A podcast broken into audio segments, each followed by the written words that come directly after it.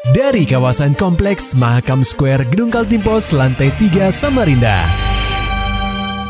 96,8 KPFM. Kita akan ikuti program KP Flash News.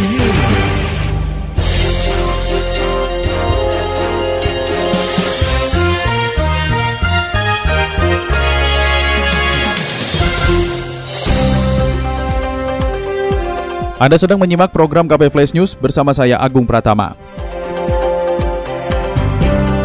Berita utama. Prostitusi online nampaknya terus tumbuh subur di Samarinda. Terbukti dalam semalam saja, yakni pada Sabtu 13 November 2021, patroli cyber Polsek Samarinda Kota berhasil menjaring 15 terduga pelaku yang terlibat dalam bisnis esek-esek ini.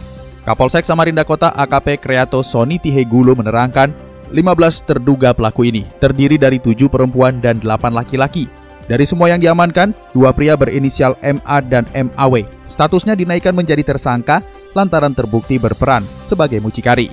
Sebanyak 8 unit handphone berbagai merek, 15 alat kontrasepsi, selembar kas deposit, sebuah tas berwarna merah, 10 lembar uang pecahan Rp50.000, 5 lembar uang pecahan Rp100.000, serta 45 kartu perdana telekomunikasi diamankan sebagai barang bukti. Nah, mereka ini memang eh, sifatnya hanya untuk menjaga para pelaku prostitusi online. Jadi dia tidak eh, merupakan mucikari. Ya, biasanya mereka mucikari dan para penjaga ini tidur satu kamar dengan eh, para pelaku atau perempuan-perempuan yang melakukan prostitusi online dalam satu kamar. Ketika tamu tamu datang, mereka keluar. Nah, saya kira demikian. Jadi mereka bukan bukan dari kelompok yang, kelompok yang sama, mereka dari kelompok yang berbeda. Gulo menjelaskan rata-rata mereka yang masuk dalam jerat prostitusi online ini adalah perempuan yang sudah menjanda dan memiliki anak, rentang usia sekitar 20 hingga 25 tahun dan berasal dari luar kota. Motif ekonomi menjadi alasan mereka untuk menjajakan diri kepada lelaki hidung belang. Berau, Balikpapan dan Samarinda menjadi tempat tujuan para pelaku prostitusi online ini untuk mengais rezeki. Gulo menyebut mereka kerap berpindah-pindah berdasarkan informasi dari rekan-rekannya. Karena mereka itu berpindah-pindah itu tujuannya apa? Untuk mencari di mana yang ramai. Hanya sebatas itu. Jadi mereka tidak tidak tidak bersifat itu terorganisir, dipetakan, kemudian ditempatkan di beberapa tempat tidak. Ya, jadi mereka itu sifatnya oh lagi ramai, jadi saling info antar teman. Oh lagi ramai di Balikpapan, BO-nya, mereka ke Balikpapan. Lagi ramai di Samarinda BO-nya, mereka ke Samarinda. Lagi ramai di Berau, mereka ke Berau, seperti itu. Jadi di tiga tempat itu aja pak ya?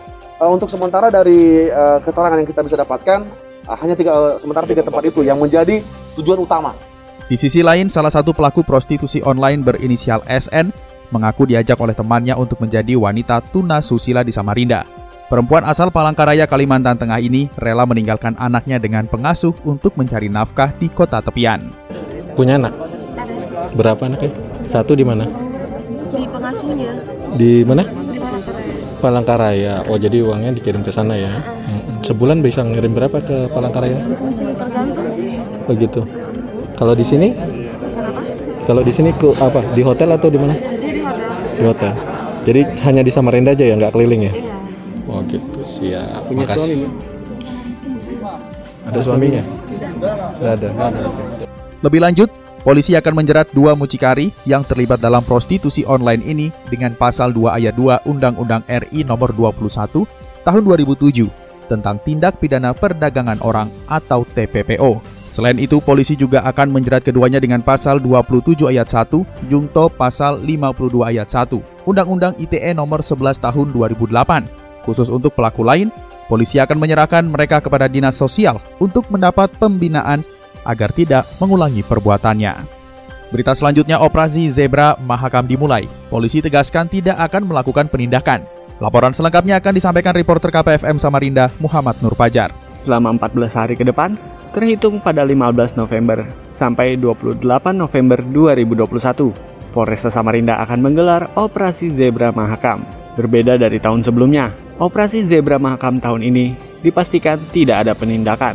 Hal tersebut dikatakan oleh Kasat Lantas Polresta Samarinda, Kompol Wisnu Dian Risanto, saat dikonfirmasi melalui sambungan telepon. Wisnu menegaskan, pihaknya akan berfokus pada himbauan protokol kesehatan serta memberikan bantuan sosial kepada masyarakat tidak mampu. Namun, jika ditemukan pelanggaran kasat mata, polisi lebih memilih untuk memberikan teguran kepada pengendara tersebut. Kasat mata kita masih tetap himbau, kita masih tetap uh, memberikan teguran. Hmm, Kayak teguran gitu. aja Operasi gitu zebra tahun ini beda, bukan Oh. operasi zebra penindakan soalnya. Oh, bukan oke. sasarannya beda. Oke, itu sama bang ya seluruh Indonesia begitu bang ya? Sama seluruh Indonesia itu. Oh. Lebih lanjut, Wisnu menekankan kepada jajarannya untuk aktif melakukan himbauan protokol kesehatan di titik-titik yang dianggap rawan pelanggaran dan penyebaran COVID-19. Selain itu, himbauan kepada pengguna jalan juga akan dilakukan untuk mencegah terjadinya kecelakaan lalu lintas. KPFM Samarinda, Muhammad Nur Fajar melaporkan. Pendengar KP, resmi Ismail Bolong jadi Ketua Persatuan Tinju Amatir Indonesia atau Pertina Kaltim. Beritanya disampaikan reporter KPFM Samarinda, Maulani Al-Amin. Pengprov Persatuan Tinju Amatir Indonesia atau Pertina Kaltim menggelar musyawarah provinsi atau Musprov pada Sabtu 13 November 2021.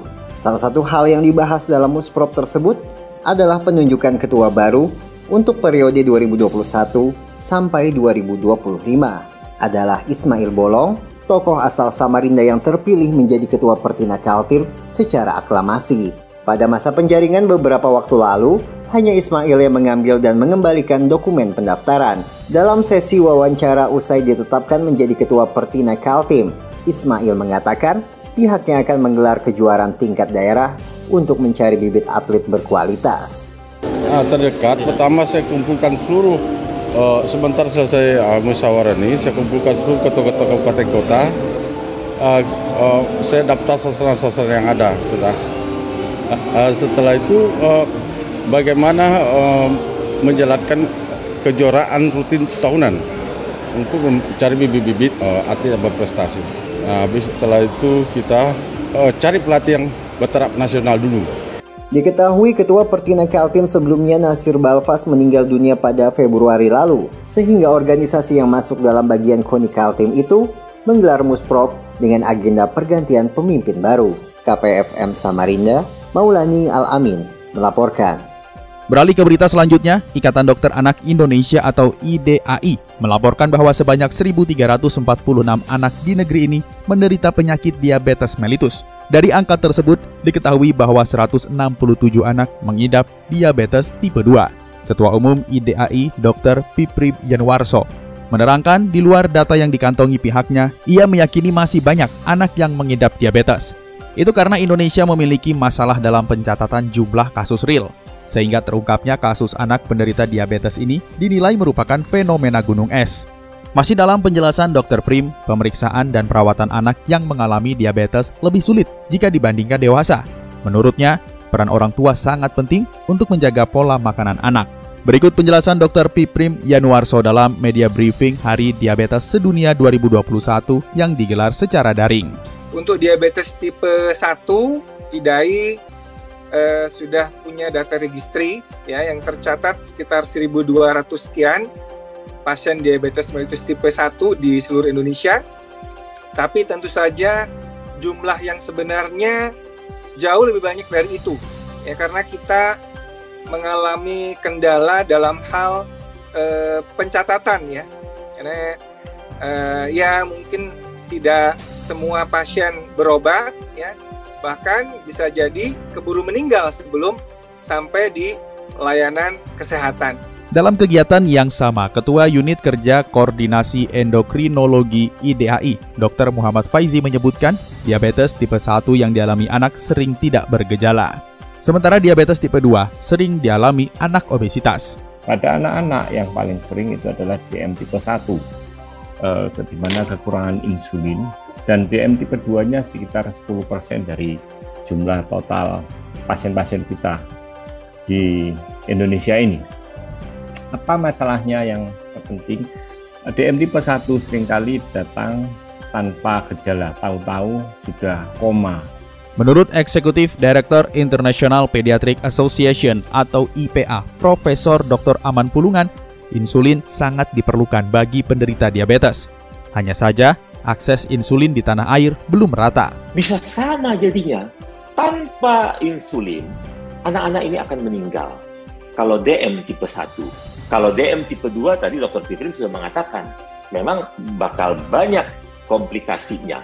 Nah, Jadi mohon sekali kalau saya rasa setelah ini media bisa meningkatkan awareness bahwa anak-anak ini juga bisa terkena diabetes di seluruh dunia.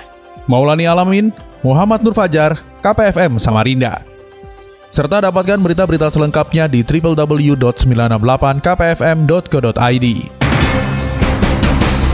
Demikian tadi telah kita simak rangkaian berita-berita yang terangkum dalam program KP Flash News. Persembahan dari 96,8 KPFM. Terima kasih dan sampai jumpa.